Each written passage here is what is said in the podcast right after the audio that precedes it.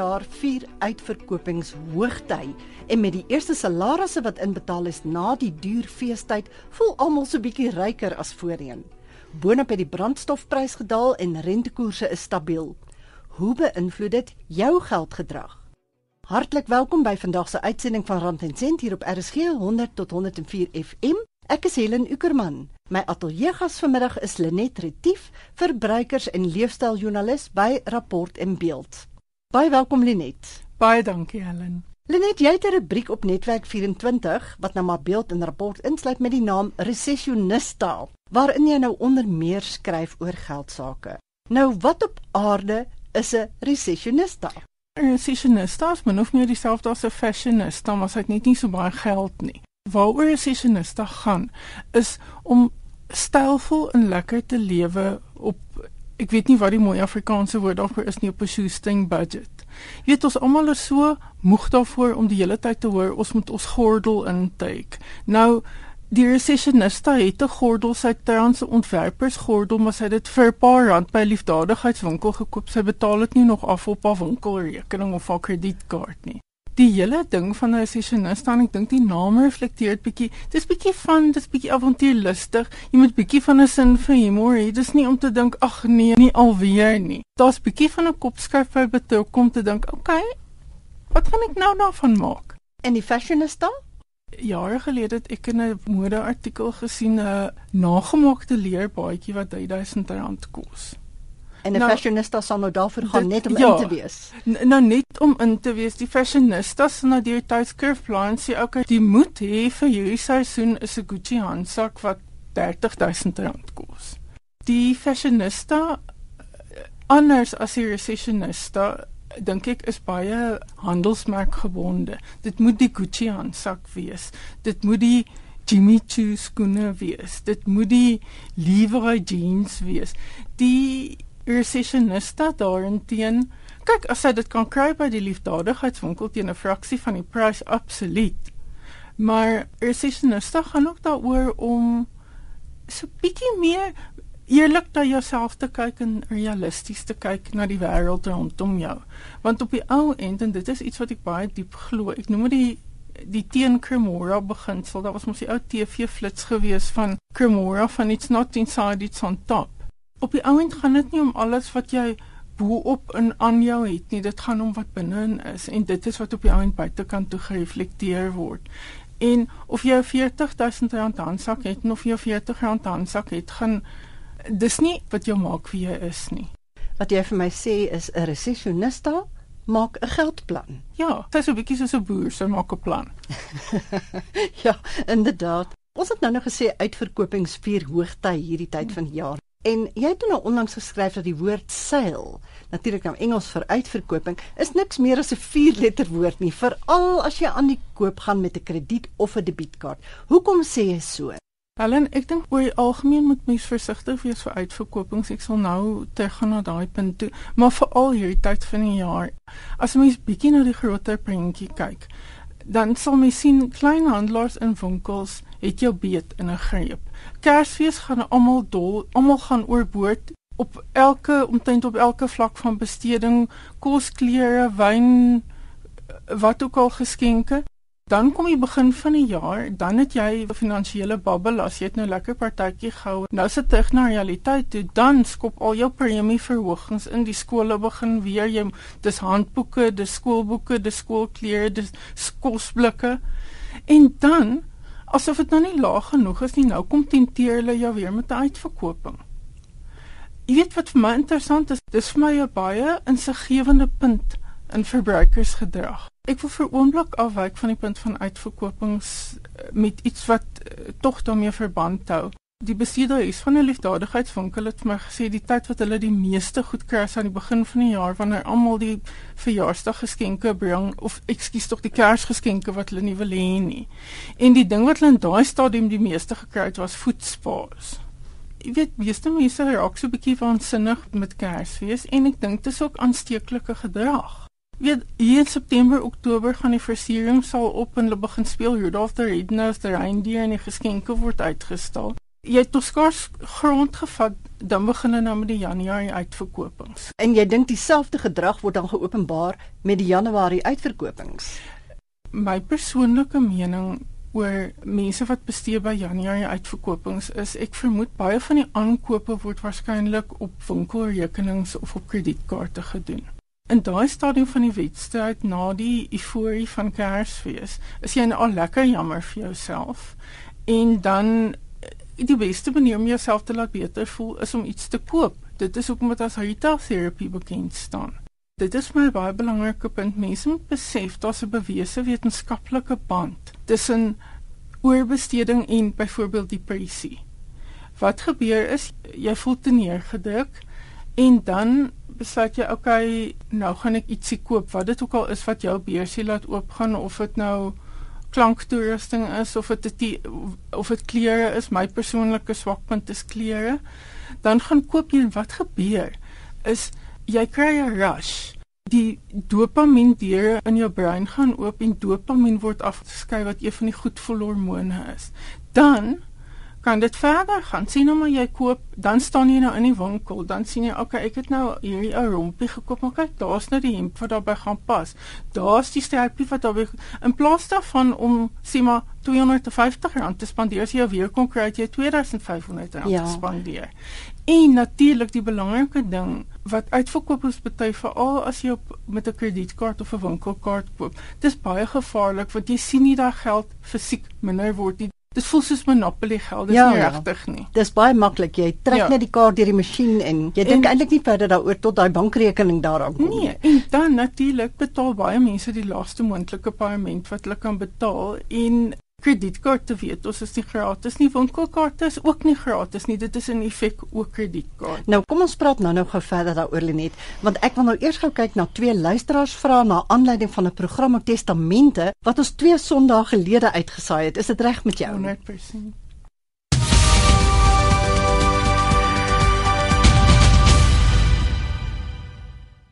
En van Pretoria vra, wat is 'n aanvaarbare bedrag om te betaal vir eksekutie eksekuteuurskoste en is dit nodig om in 'n mens se testament na die koste van 'n eksekuteur te verwys? Ek het Dawie Roo, fidusiëre konsultant van Legatus Trust, 'n maatskappy wat spesialiseer in die opstel, bewaring en uitvoering van testamente, om raad gevra.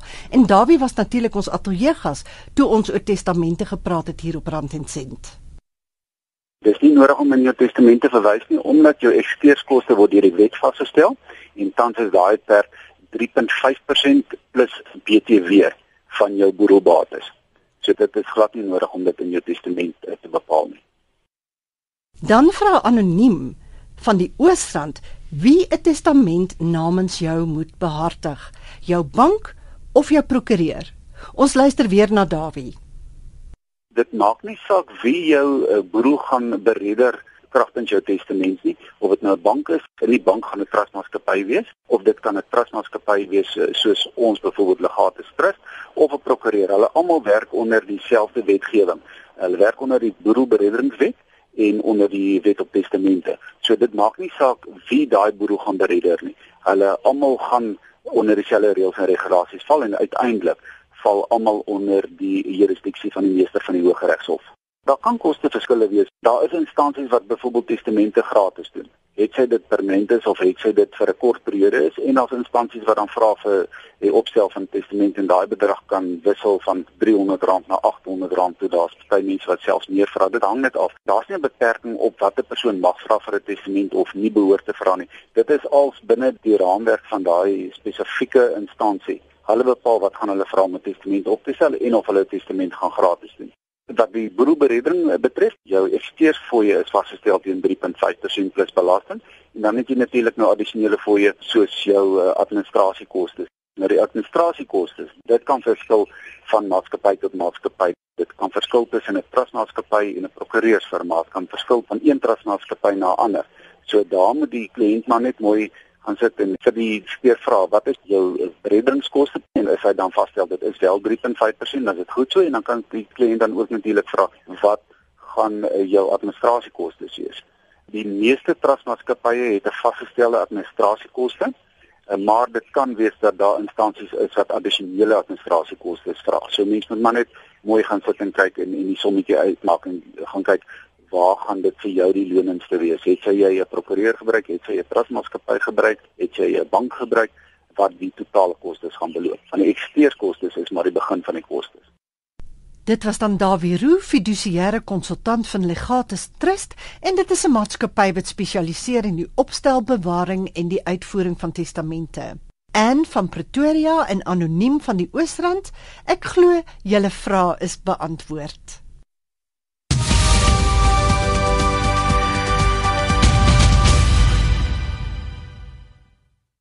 Jy luister na Rand en Sent met Helen op RSG 100 tot 104 FM en ons ateljee gas vandag is Lenet Retief, verbruikers en leefstyljoernalis by Rapport en Beeld.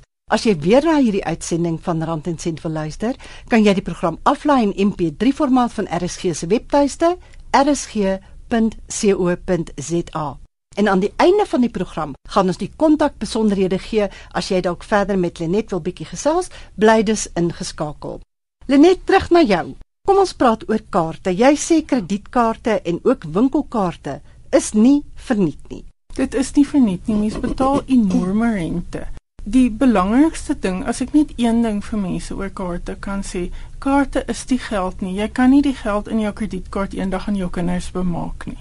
Jy bestee geld wat jy eintlik nog nie het nie. As jy sê wat jy eintlik nog nie het nie, dan bedoel jy jy gee so lank geld uit en jy gaan met volgende maand se salaris gaan jy dit ja. terugbetaal. En dit is natuurlik die banke moet hulle risiko's dek en dit is natuurlik ook hoekom hulle die enorme rentekoerse vra. Gestel nou maar jy koop sê maar die rompie vir R200. Mens moet eintlik iemand laat uitwerk wat dit jou uiteindelik kos oor die tydperk wat jy dit afbetaal het. Baie klerewinkels het wel 6 maande rentevry, nê? Nee. Maar dan moet jy nou ook maar al daai klere binne 6 maande afbetaal as jy wil baat vind daarbey. Dit is inderdaad so, maar of jy rente betaal of jy nie rente betaal nie, na my mening, mens moet baie baie versigtig wees vir die versoeking. Dit maak dit net soveel makliker. Ek dink dis miskien bietjie soos om om jou huis te beveilig vir inbrekers. As 'n inbreker wil inkom, gaan hy inkom. Jy kan dit net vir hom so moeilik as moontlik maak om dit te doen. Mens moet net baie bewus wees van die risiko's wat daarmee gepaard gaan. Die ideaal is natuurlik om al die feindruk te lees, maar ek dink nie dit gaan enige tyd binnekort gebeur nie want dit is net so ingewikkeld. Geen mens kan dit uitmaak nie, maar vir my is die internet 'n hulpbron van onskatbare waarde. Jy kan eintlik net 'n soektog insit vir the dangers of credit cards of enige iets in die voege. Jy gaan die inligting kry wat jy nodig het. Want die probleem wat mense ook in gedagte moet hou is as jy in 'n probleem beland, jy kan nie die rekening betaal nie niemand gaan wel weet jy het nie die papiere gelees nie, hulle gee nie om nie. Jy teken vir daai ding en dit is jou verantwoordelikheid. Dis reg, dit bly altyd 'n mens se ja. eie verantwoordelikheid. Jy kan nie hier vingers begin wys na ander mense oor jou finansiële situasie nie. Jy het nou pas vir ons vertel dat uitverkopings eintlik nogal 'n mens se vyand kan wees. Nou hoe is dit dan? Ek meen, is dit nie tot 'n mens se voordeel om items goedkoper te kry as gewoonlik nie? Helen, dit is. Dit gaan daaroor om oordeelkundig te kies uit die aard van die saak gaan jy iets op 'n uitverkoping koop wat jy nie andersins sou gekoop het nie want jy kon dit nie bekostig nie maar jy moet dit nie net eenvoudig koop omdat dit goedkoop is nie. Ja, of omdat jy dink as 'n winskoopie koop jy nou sommer 'n romp of 'n golfsak of ja. wat ook al jou oog vang net omdat dit goedkoop is. Onlangs het ek vir my 11 jaar gesien 'n klompie goed by 'n 80% afslag uitverkoping gekoop en een van die goed was 'n Gap broek. Nou die oorspronklike prys van die Gap broek was iets soos 900 rand wat ek in my lewe nie vir 11 jaar gekind se broek sou betaal nie, maar 160 rand was my absolute plesier. En ek weet die spesifieke handelsmerk is baie goeie waarde en ek het natuurlik 'n paar nommers te groot gekoop laat dit vir 'n paar jaar kan dra. Daar word baie gepraat nou oor die laer oliepryse en die gevolglike laer brandstofprys. Is dit nou regtig so 'n groot besparing in die gewone mens se begroting? Dink jy byvoorbeeld mense is nou geneig om bietjie oorboord te gaan met die besteding omdat hulle voel hulle beursies is nou voller? Ek dink dit is 'n daadwerklike moontlikheid. Ek het ek persoonlik het gesien ek het 'n klein motortjie en dit maak per tank maak dit omtrent R50 per tank verskil. Ek gebruik dit tot 4 tanks per maand. So kom ons sê 150 tot 200 rand 'n maand. Wees net vir oomblik gaan sit en 'n sommetjie maak want as jy nie gaan sit en dink nie, dan gaan jy nou sommer van suiwer verligting en euforie jy nou R1000 uit omdat jy R200 'n maand meer tot jou beskikking het. Ja, ja.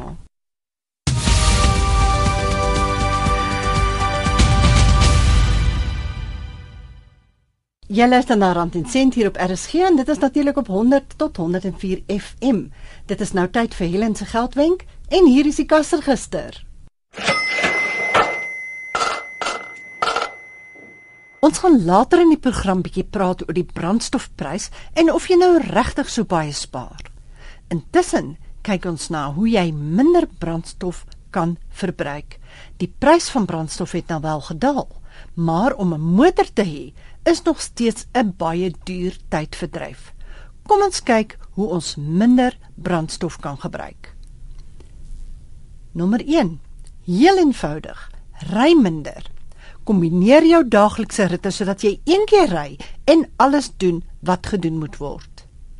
Nommer 2. Probeer om spitsverkeer te vermy elke keer as jy moet stop en weer begin ry, trek jy weer weg in die eerste rad, wat beteken jy gebruik 'n groot hoeveelheid brandstof om net weer aan die ry te kom. Maak die vensters toe. En ook die sondak as jy een het, veral as jy op 'n snelweg of lang afstande ry. As jy kan hoor hoe die wind oor jou kar beweeg as jy ry, gebruik jy meer brandstof as wat jy moet. Dit is dan goedkoper om jou ligversorging te gebruik. Aan die ander kant is dit wys om jou ligverkoeling so min as moontlik te gebruik, want dit verbruik op sy eie 'n taamlike hoeveelheid brandstof. Nommer 5. Verwyder jou dakrak. Net soos die vensters of sondak, bied dit weerstand en jou kar moet harder werk om vorentoe te beweeg. Nommer 6. Oppas vir onnodige gewig. As jou kattebak vol swaar voorwerpe is, verwyder dit dit het 'n nadelige uitwerking op jou brandstofverbruik. Nommer 6. Trek mooi glad weg en probeer teen 'n konstante spoed te ry so ver jy kan. Nommer 7. Hou by die spoedgrens. Jy kan dalk vinniger by jou bestemming kom as jy die pedaal plat druk, maar hoewel jy minder tyd op die pad deurbring, gebruik jy meer brandstof hoe vinniger jy ry. Nommer Maak seker jou banddruk is korrek. Gaan dit elke 2 weke na. En laastens, koop 'n motor wat lig op petrol is. Kleiner karre is oor die algemeen meer ekonomies in dorpe en stede, maar groter gesinsmotors wat op diesel loop, is weer meer ekonomies op die lang pad.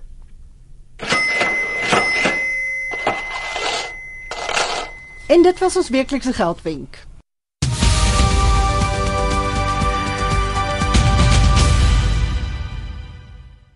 Jy's nog by Rand en Sent met Helen en as jy met my wil kontak maak per e-pos, stuur dit asseblief na helen.ueck@gmail.com en natuurlik kan jy ook 'n SMS stuur na ons ateljeelyn by 3343. Onthou elke SMS kos R1.50. Ons praat nou verder met Lenet Retief, verbruikers en leefstyljoernalis by Rapport en Beeld.